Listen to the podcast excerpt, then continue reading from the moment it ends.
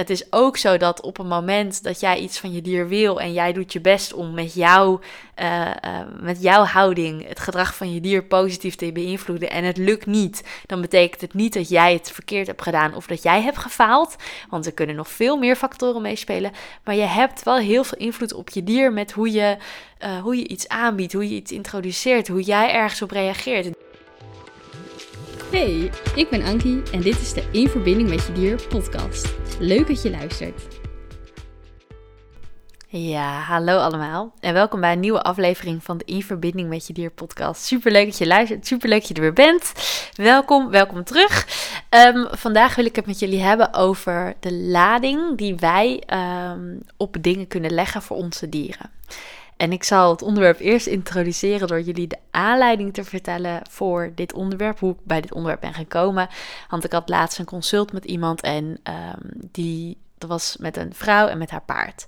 En uh, die vrouw die had haar paard um, uh, tot nu toe of tot dan toe altijd bidloos gereden. En die had recent een overstap gemaakt van bidloos naar het paard met een bidrijden. En de vraag was eigenlijk van hoe vindt het paard dat uh, om nu met bit te rijden en wat, wat heeft het paard liever, wat heeft haar voorkeur. En um, ik ging met het paard communiceren en ik vroeg onder andere dus aan het paard van joh, uh, zus en zo, uh, dit heb ik begrepen van je baasje. Hoe ervaar je het dat je nu met een bit wordt gereden in plaats van zonder bit? En misschien is het nog wel leuk om te vertellen voor de mensen die niks met paarden hebben. Uh, een bit is dus gewoon een, een, een metalen voorwerp wat uh, dus paarden in hun mond hebben, waarmee ze dan, nou ja, waarmee de ruiter dus uh, het paard kan sturen, kan aangeven of hij naar links of naar rechts wil of, of wil remmen, zeg maar.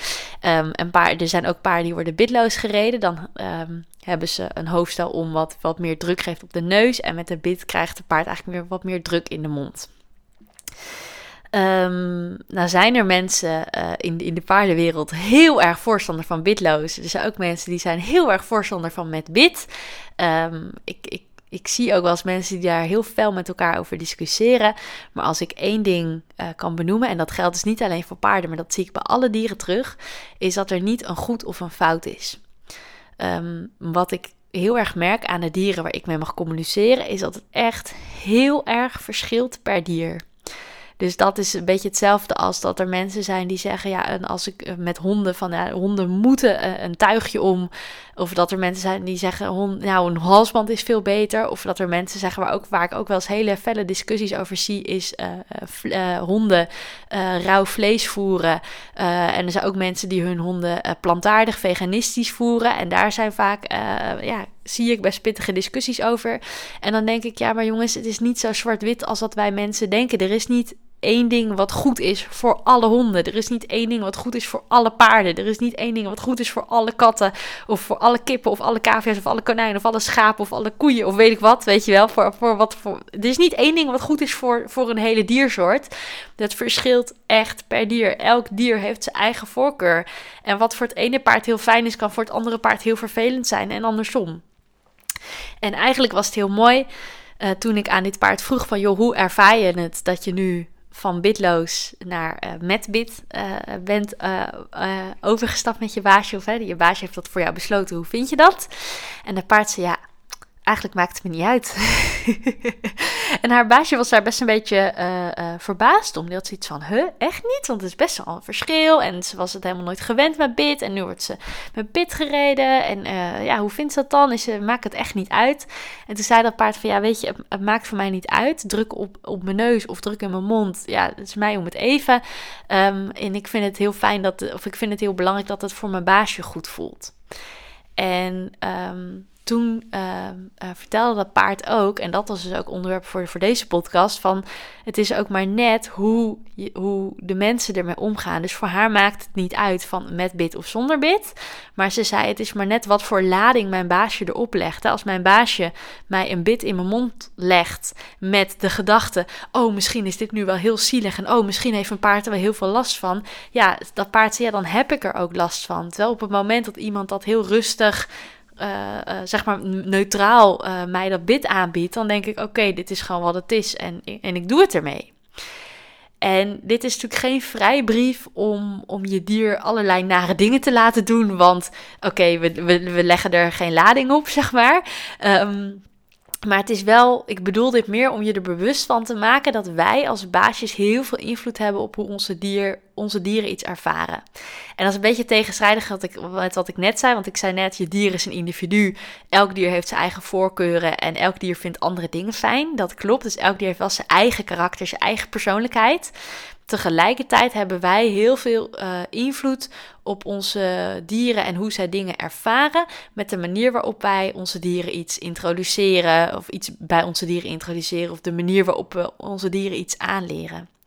Hè, uh, op het moment dat wij Um, uh, zoals in dit geval hè, uh, je paard uh, van, van bitloos overstapt naar met bit rijden.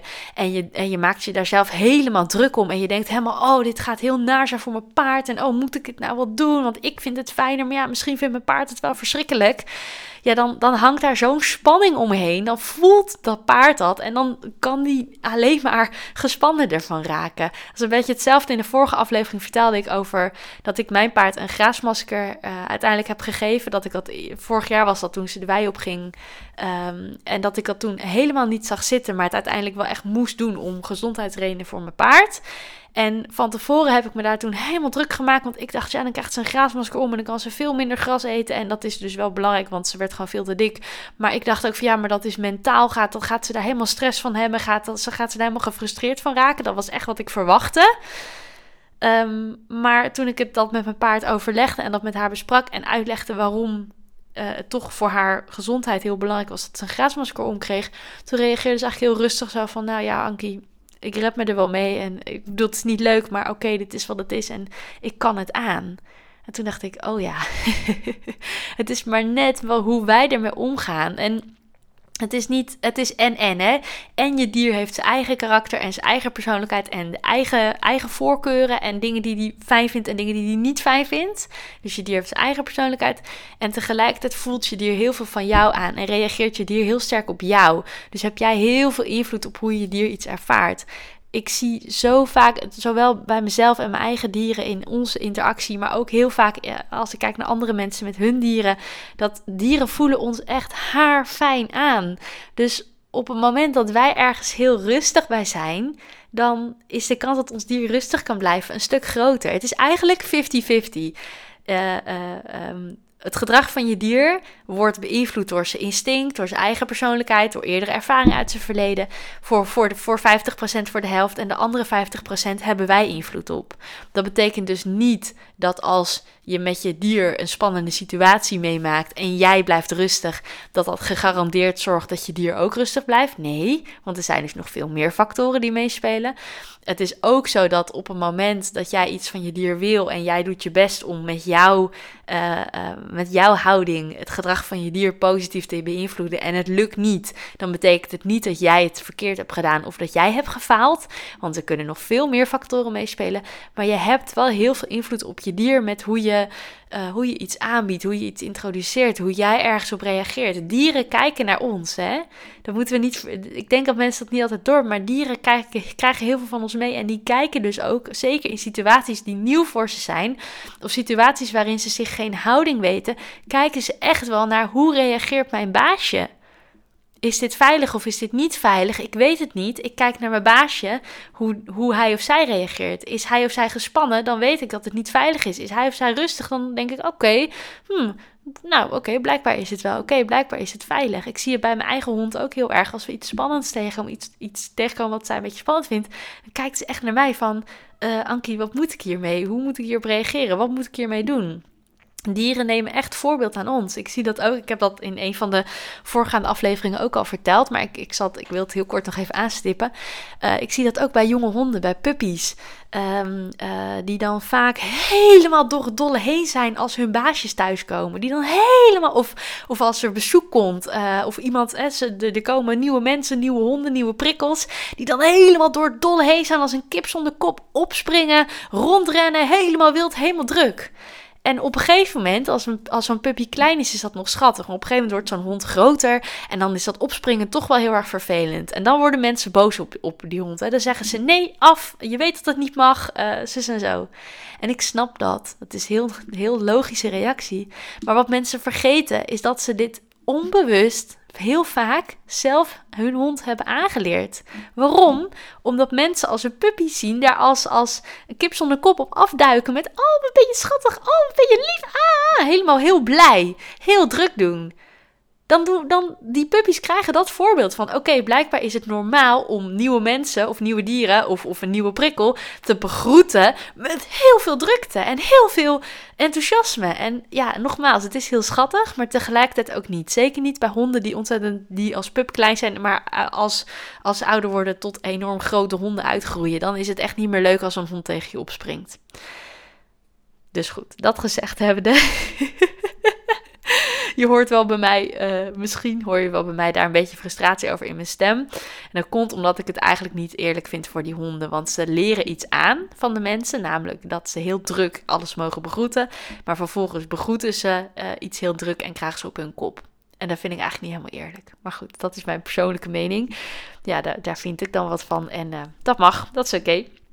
Um, verder, qua lading, wat je ergens oplegt, wat ook nog interessant is, dat heb ik de laatste tijd een beetje ontdekt bij mezelf en bij mijn paard is dat we allebei uh, bepaalde associaties hebben, bepaalde ladingen hebben uh, uh, met dingen die we dan in het verleden hebben geleerd. Dus heel concreet, als ik een cap op mijn hoofd zet, als ik op de rug van mijn paard ga zitten, als ik met mijn paard ga rijden, dan zet ik een cap op mijn hoofd. En die cap heeft voor mij een lading, want op het moment dat ik die cap op mijn hoofd zet, dan weet ik, nu ga ik op de rug van mijn paard zitten. En bij mij zit daar dan een beetje spanning. Uh, ik vind paardrijden heel leuk en ik vertrouw mijn paard echt blind. Ik heb een hele goede band met mijn paard. Ik vertrouw haar echt. Maar ik heb in het verleden wel eens met andere paarden gehad uh, dat ik ervan afgedonderd ben, dat ik van paarden afgevallen ben. En uh, zo'n cap beschermt je hoofd dan, dus het is super handig om een cap op je hoofd te zetten. Maar op een of andere manier heb ik toch een beetje de associatie, als ik een cap op mijn hoofd zet, dan vind ik het gewoon spannend, want dan weet ik van oké, ik ga nu op, op mijn paard zitten en ik kan er afvallen.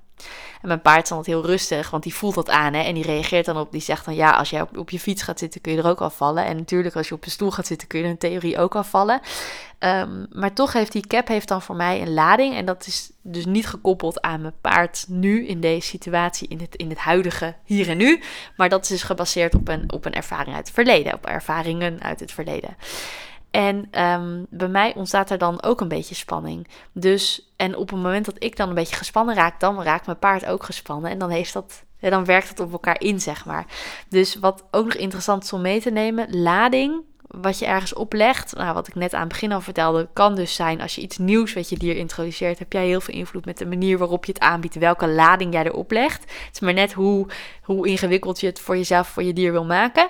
Tegelijkertijd, wat dus ook kan meespelen, is dat jij of en of je dier uh, ook gewoon door eerdere associaties, door eerdere ervaringen uit het verleden, ook bepaalde ladingen kunnen hebben bij bepaalde voorwerpen of bepaalde situaties. Het kan best zijn dat als jij uh, een hond hebt gehad die heel veel uh, uitviel naar andere honden, kan het best zijn dat als je dan Um, stel dat jij dat met je hond bent geoefend en je hond valt nu helemaal niet meer, niet meer uit naar andere honden. Kan nog best zijn dat als jij een andere hond op straat tegenkomt, dat je dan toch van binnen even, even schrikt of even wat spanning hebt.